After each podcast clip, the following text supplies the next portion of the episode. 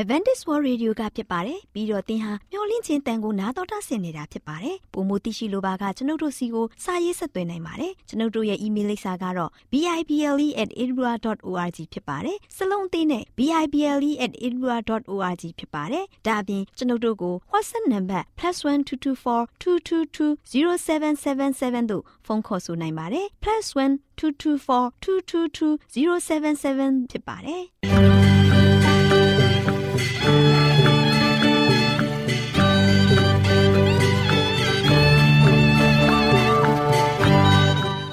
ခုချိန်မှာခရစ်တော်ကိုမျှော်လင့်သောတတ္တမနေ့အသင်းတော်ရဲ့ရေဒီယိုအစီအစဉ်ဖြစ်တဲ့ AWR မျော်လင့်ခြင်းအတန်လွင့်အစီအစဉ်ကိုစတင်တန်လွင့်မှာဖြစ်ပါတယ်ရှင်။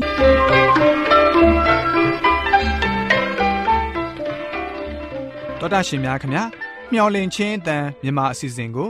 နက်နက်6နိုင်မိနစ်30မှ9နာရီအထိ16မီတာ kHz 10653ညညပိုင်း9နိုင်မှ 9နိုင်မိနစ်30အထိ16မီတာ kHz 19533ညမှနေ့စဉ်အတန်လှွင့်ပေးနေပါတယ်ခင်ဗျာဒေါက်တာရှင်များရှင်ဒီကနေ့ထုတ်လွှင့်တင်ဆက်ပေးမယ့်အစီအစဉ်တွေကတော့ကျမ်းမာပျော်ရွှင်လူပေါင်းတွင်အစီအစဉ်တရားဒေသနာတော်အစီအစဉ်အထွေထွေဘုဒ္ဓအစီအစဉ်တို့ဖြစ်ပါတယ်ရှင်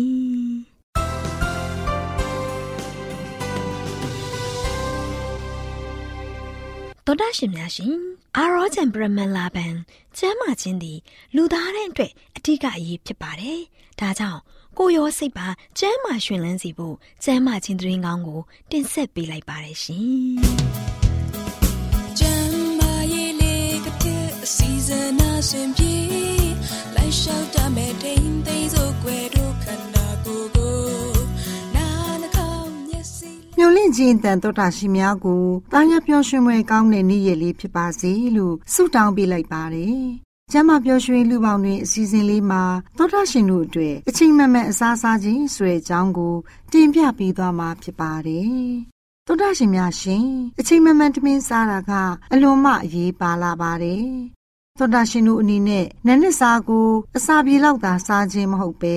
ပြေဝစွာစားသုံးပြရမှာဖြစ်ပါတယ်။ ဒါကြောင့်နည်းနည်းစားကိုစားသုံးပေးတာကတနေ့တာအတွက်အကောင်းဆုံးအစာဖြစ်စေရပါမယ်။တနေ့နေ့ချင်းအစားစားတာကကျန်းမာရေးကိုအထောက်အကူပြုတာမှန်ပေမဲ့အခြေအနေအရတနေ့သုံးချိန်စားဖို့လိုအပ်ကောင်းလိုအပ်လာပါလိမ့်မယ်။ဒီလိုအခြေအနေမျိုးမှာဆိုရင်တော့အစာကြည်လွယ်တဲ့အစာကိုတတိယအချိန်မှာစားသုံးသင့်ပါတယ်။ဘီစကုတ်တစ်သီးဝလံနဲ့ကွေကာအုပ်လိုမျိုးအစာတွေကိုစားသုံးတာကညစာအတွက် အသင့်လျော်ဆုံးဖြစ်ပါတယ်။အစာတစ်ခုနဲ့တစ်ခုကို စားသုံးရင်9နာရီချာစားသုံးပြရမှာဖြစ်ပါတယ်။အချိန်မှန်မှန်ထမင်းစားတာကအလွန်အရေးကြီးလာပါတယ်။ထမင်းစားချိန်ကိုတိတိကျကျသတ်မှတ်ပြီးစားသုံးပြီးရင်အကောင်းဆုံးဖြစ်ပါတယ်။အထိုင်များသူတွေအတွက်နောက်ကျမှစားရညစာက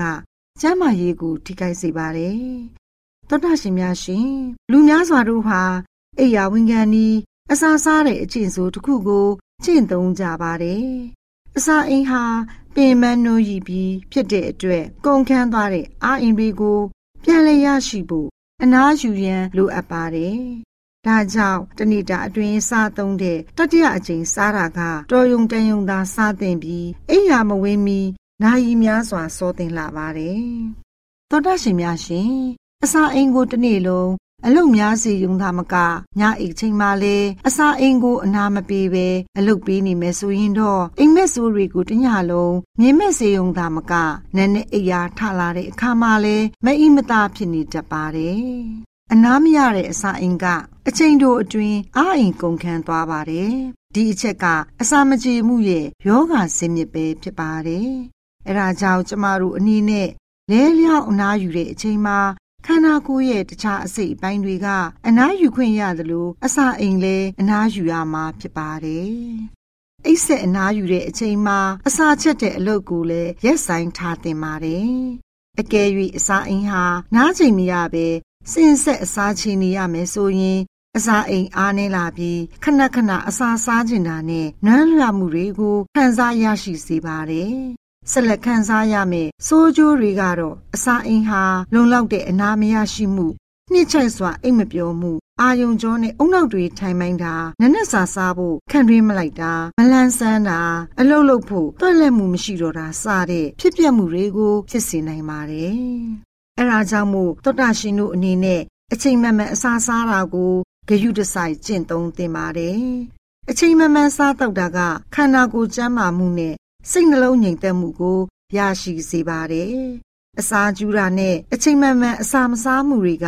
ခန္ဓာကိုယ်ကျန်းမာရေးကို ထိခိုက်စေပါတယ်။အဲဒါကြောင့်အတ္တစိတ်သဘောအတိုင်းစားသောက်မှုမပြုဘဲအချိန်မှန်မှန်အစာစားခြင်းအမှုကိုဂယုတစိုက်ကျင့်သုံးကြပါစို့ဆိုပြီးတော့တိုက်တွန်းအားပေးလိုက်ရပါတယ်ရှင်။သောတာရှင်များတို့လည်းအချိန်မှန်မှန်အစာစားခြင်းအပြင်ကျမ်းမာပျော်ရွှင်တဲ့ဘဝများကိုရရှိပိုင်ဆိုင်နိုင်ကြပါစေ။ အချိန်မှန်မှန်စားသုံးခြင်းအပြင်စိတ်ဓာတ်ခွန်အားကာယခွန်အားညာနာခွန်အားများတိုးပွားကြပါစေလို့ဆုတောင်းပေးလိုက်ရပါတယ်။သောတာရှင်များအားလုံးကိုယ်စိတ်နှပြရှင်လန်းချမ်းမြေ့ကြပါစေလို့ဆုတောင်းပေးလိုက်ရပါတယ်ရှင်။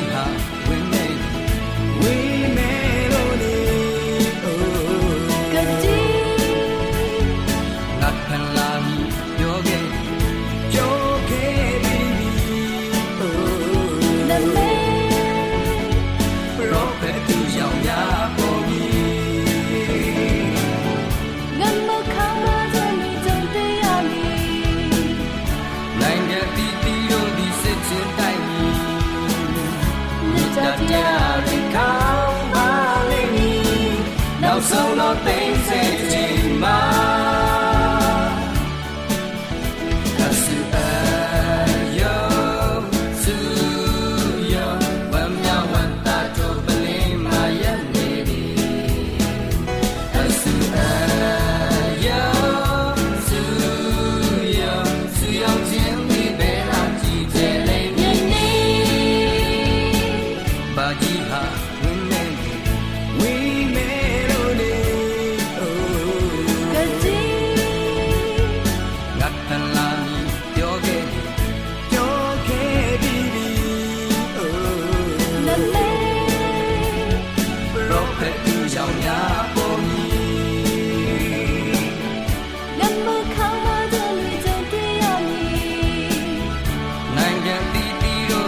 ချင်းတိုင်းမီ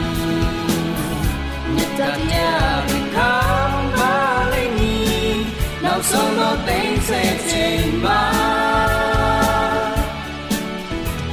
ယနေ့ဘာကြီးဟာဝင်းမဲဝေးမဲလို့လေတတိငါဖန်လာမီပြောတော်တာရှင်များရှင်တရားဒေသနာတော်ကိုတိတ်ခါတော်ရဓမ္မဆရာဦးတင် မောင်ဆန်းမှဟောကြားဝင်ငါပေးมาဖြစ်ပါတယ်ရှင်။နာတော်တာဆင်ရင်ခွန်အားယူကြပါစို့။ချစ်တော်ဓမ္မမိတ်ဆွေများမင်္ဂလာပါလို့ရှေ့ဆောင်နှုတ်ခွန်းဆက်ကြပါတယ်ဒီနေ့ပေးသွားခြင်းတဲ့သတင်းစကားကတော့ဘုရားသခင်ရွေးချယ်ခဲ့တဲ့သူများ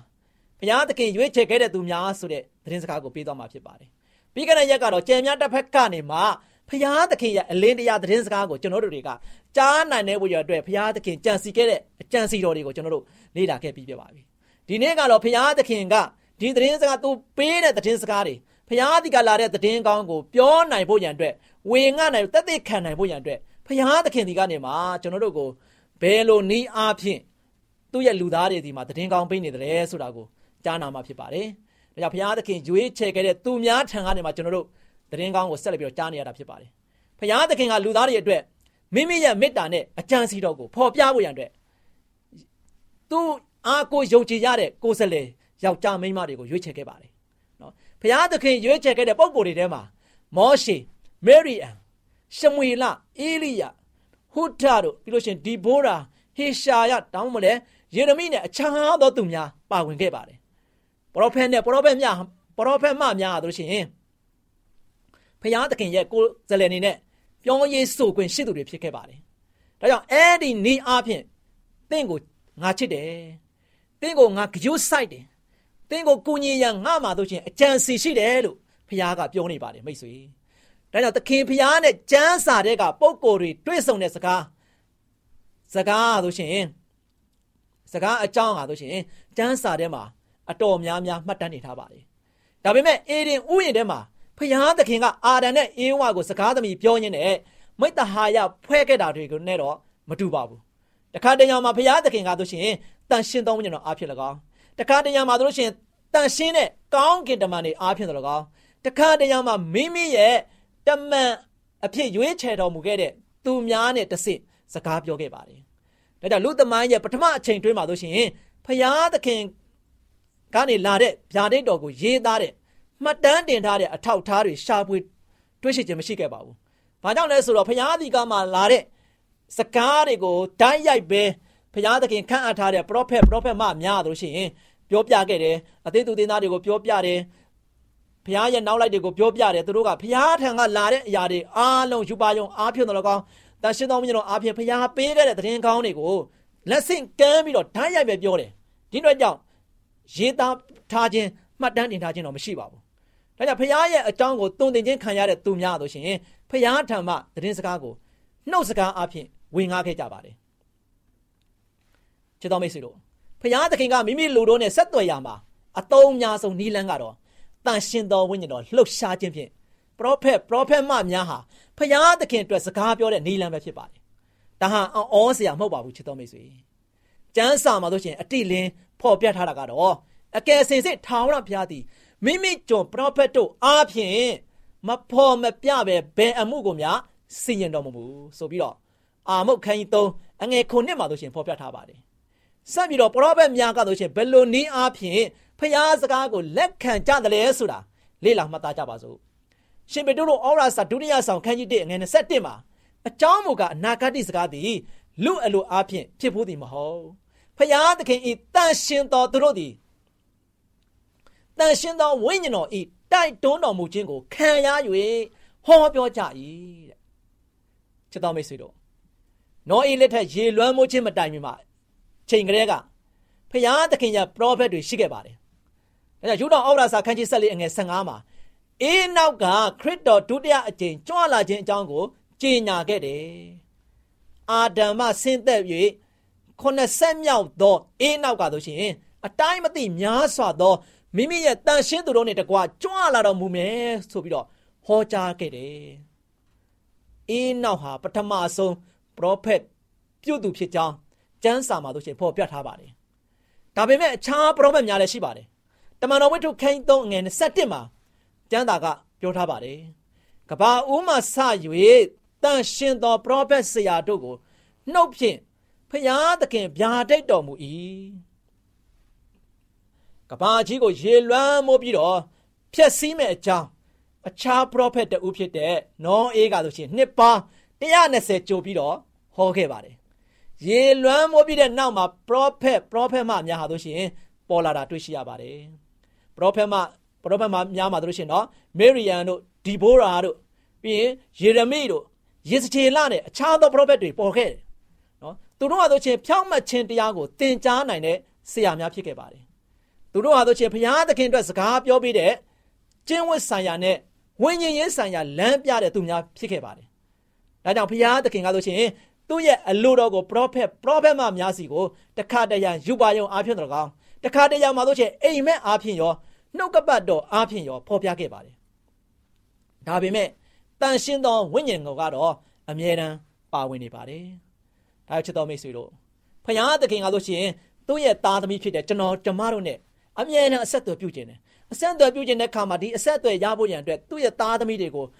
သူ့ထံမှလာတဲ့စကားတွေကိုကြားနိုင်ဖို့ရန်အတွက်ဘုရားသခင်ဆိုရှင်ပရောဖက်ပရောဖက်မအများကိုရွေးချယ်ခဲ့တယ်နော်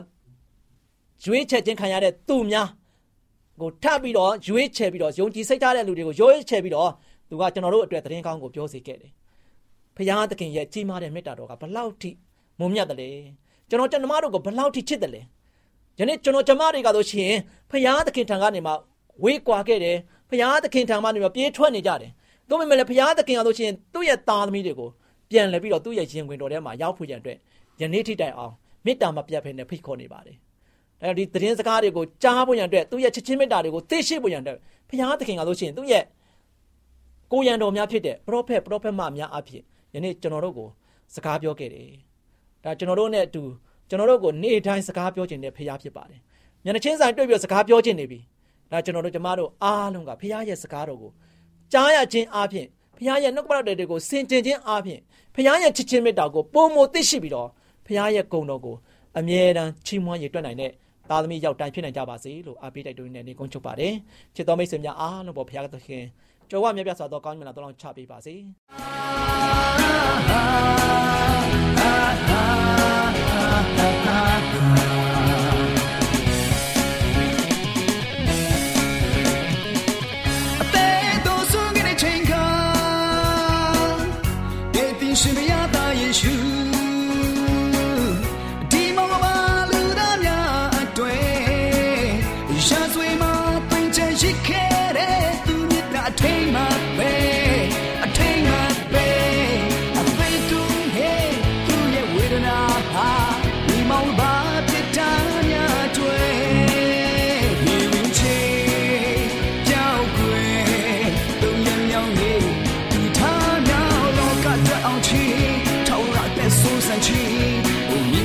神တော်မြင့်ဆုံးသောဖရာနိုင်ငံတော်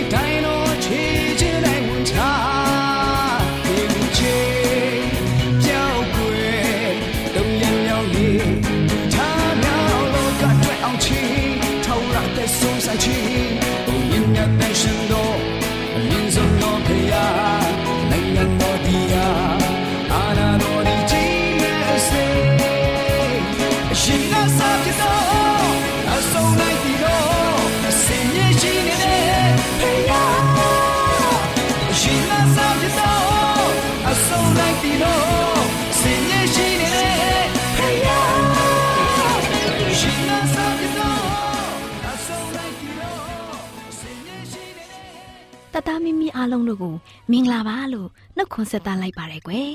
အခုချိန်မှာတော့စူးညောင်းခလုတ်တပွဲမဖြစ်နဲ့ဆိုတဲ့ခေါင်းစဉ်လေးနဲ့ပုံမြင်လေးကိုပြောပြပေးမယ်နော်ကလေးတို့ရေယေရှုခရစ်တော်နဲ့တပည့်တော်တွေဟာနေရာဒေသတနေရာပြီးတနေရာလှည့်လည်ပြီးတရားဒေသနာဟောပြောသွန်သင်နေယောဂဝေဒနာတွေကိုလည်းကုသပြောက်ကင်းစေတဲ့ကွယ်လာရီနှစ်တွေကြာလာတဲ့အထိ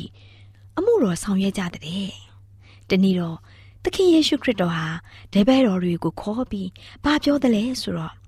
ငါကိုယ်တော်ဟာယေရုရှလင်မြို့ကိုသွားရမယ်ပြီးတော့ဘာသာရေးခေါင်းဆောင်တွေရှစ်ပရောဟိတ်ကြီးတွေနဲ့ကျမ်းတက်ဆရာတွေရဲ့လက်ထဲမှာဒုက္ခဝေဒနာခံရမယ်ဆိုပြီးပြောပြတဲ့ကွယ်ဆက်ပြီးပြောသေးတာကနောက်တော့ငါဟာတက်တော်စွန့်ပြီးသုံးရက်မြောက်တဲ့နေ့မှာတေချင်းမှထမြောက်တော်မူမယ်ဆိုတဲ့အကြောင်းကိုတပည့်တော်တွေရှေ့မှာပွင့်ပွင့်လင်းလင်း ဖော်ပြပြောပြတဲ့ကွယ်ကလေးတို့ရေတပည့်တော်တွေအထဲမှာပေတရုဆိုသူတပည့်တော်တယောက်ကိုကလေးတို့သိမှာပေါ့အဲ့ဒီပေတရုကယေရှုခရစ်တော်ကိုမလန်းမကန်းကိုခေါ်သွားပြီးယေရှုခရစ်တော်ကိုတခင်ကိုရောရှင်ဖော်ပြခဲ့တဲ့အမှုအရာတွေမဖြစ်ပြက်စေဖို့ထာဝရဘုရားသခင်စီတားတော်မူပါစေကိုရောရှင်ဟာအဲ့ဒီအမှုအရာတွေနဲ့ဘယ်ခါမှမကြုံမတွေ့ရပါစေနဲ့လို့ရှောက်ထားပြောဆိုတဲ့ကွယ် ဒီလိုနဲ့ကလေးတို့ရေယေရှုခရစ်တော်ဟာပေတရုပဲလဲပြီးအချင်းစာတဲ့ငါနောက်ကိုစုပ်ပါသင်ဟာငါအတွက်စူးညောင်ခလုတ်တပွဲဖြစ်တယ်သင်ဟာဖျားသခင်ရဲ့ရှုထောင့်ကမတွေးလူရဲ့ရှုထောင့်ကသာတွေးတယ်လို့မိန့်တော်မူတယ်ဆက်ပြီးတော့ယေရှုခရစ်တော်ကငါတစ်ဖက်ဖြစ်ခြင်းတဲ့သူဟာကိုကြိုးကိုစွန့်ရမယ်ကိုလက်ဝါးကားတိုင်းကိုထမ်းပြီးငါနောက်ကိုလိုက်ရမယ်မိမိအသက်ကိုကယ်ခြင်းတဲ့သူဟာအသက်ဆုံးရှုံးလိမ့်မယ် ငါအတွက်အသက်ဆုံးရှုံးတဲ့သူဟာအသက်ကိုရလိမ့်မယ်ညီအကိုတို့လူဟာလောကတစ်ခုလုံးကိုအစိုးရပေမဲ့မိမိအသက်ဆုံးရှုံးရင်အဘယ်အကျိုးရှိမှာလဲမိမိရဲ့အသက်ကိုဘယ်အရာနဲ့လဲနိုင်မှာလဲအခုလူသားဖြစ်တဲ့ငါဟာခမဲတော်ရဲ့ဘုံအတီကိုဆောင်ပြီးကောင်းကင်တမန်တွေနဲ့အတူကြွလာမယ်လူအပေါင်းတို့ဟာလည်းမိမိတို့ရဲ့အကျင့်အလျောက်အကျိုးအပြစ်ကိုဆက်ပေးပါလိမ့်မယ်ဒီအရာမှာရှိတဲ့လူအချို့ဟာ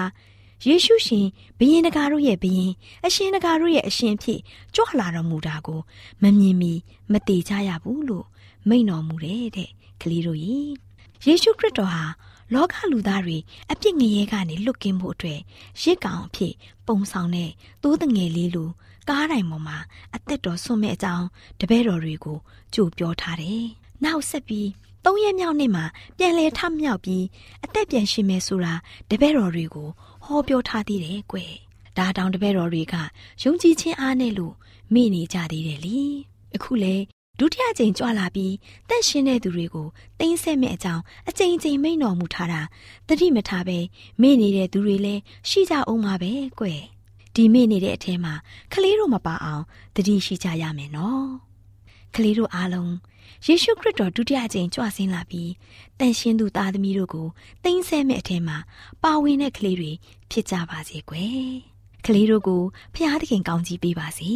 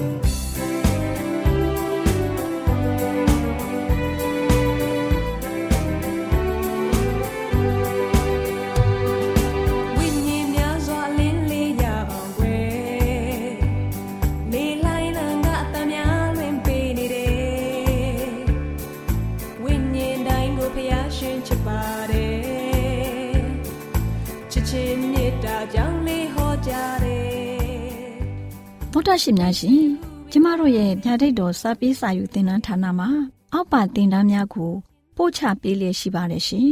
သင်တန်းများမှာ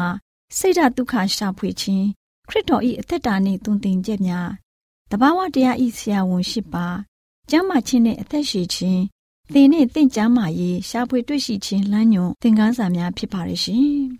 သင်တန်းအလုံးဟာ အခမဲ့သင်တန်းတွေဖြစ်ပါတယ်ဖြစ်ဆိုပြီးတဲ့သူတိုင်းကို ဂုံပြုလွှာချင်းမြင့်ပေးမှာဖြစ်ပါတယ်ရှင်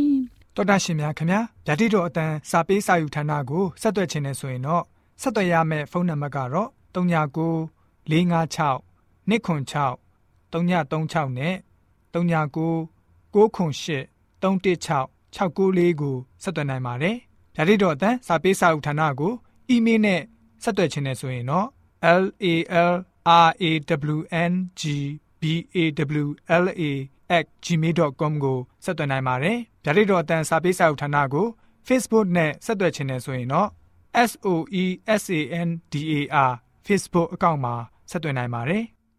AWR မျော်လင့်ခြင်းအတန်ကိုအားပေးနေတယ်တော်တာရှင်များရှင်မျော်လင့်ခြင်းအတန်မှာအကြောင်းအရာတွေကိုပုံမသိရှိပြီးဖုန်းနဲ့ဆက်သွယ်လိုပါက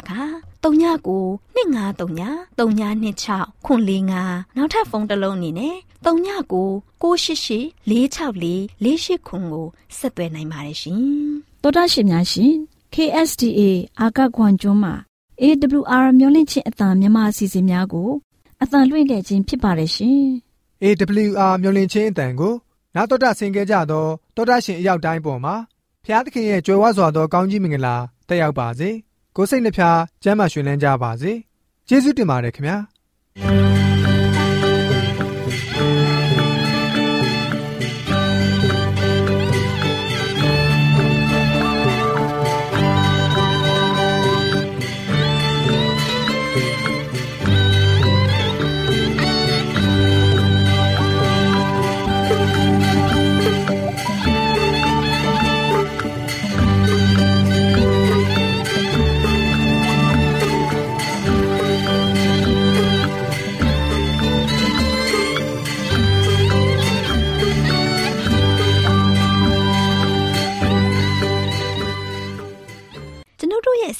ကိုနာတော်တာဆင်ရင်နှစ်သက်မယ်လို့မျှော်လင့်ပါတယ်မိတ်ဆွေအနေနဲ့လက်ဆောင်လေးတစ်ခုကိုရချင်နေဆိုရင်တော့ကျေးဇူးပြု၍ bible@awr.org သို့စာရေးပေးပါဒါမှမဟုတ်ကျွန်ုပ်တို့ကို WhatsApp နံပါတ် +1224 222 0777 သို့ဖုန်းခေါ်ဆိုနိုင်ပါတယ်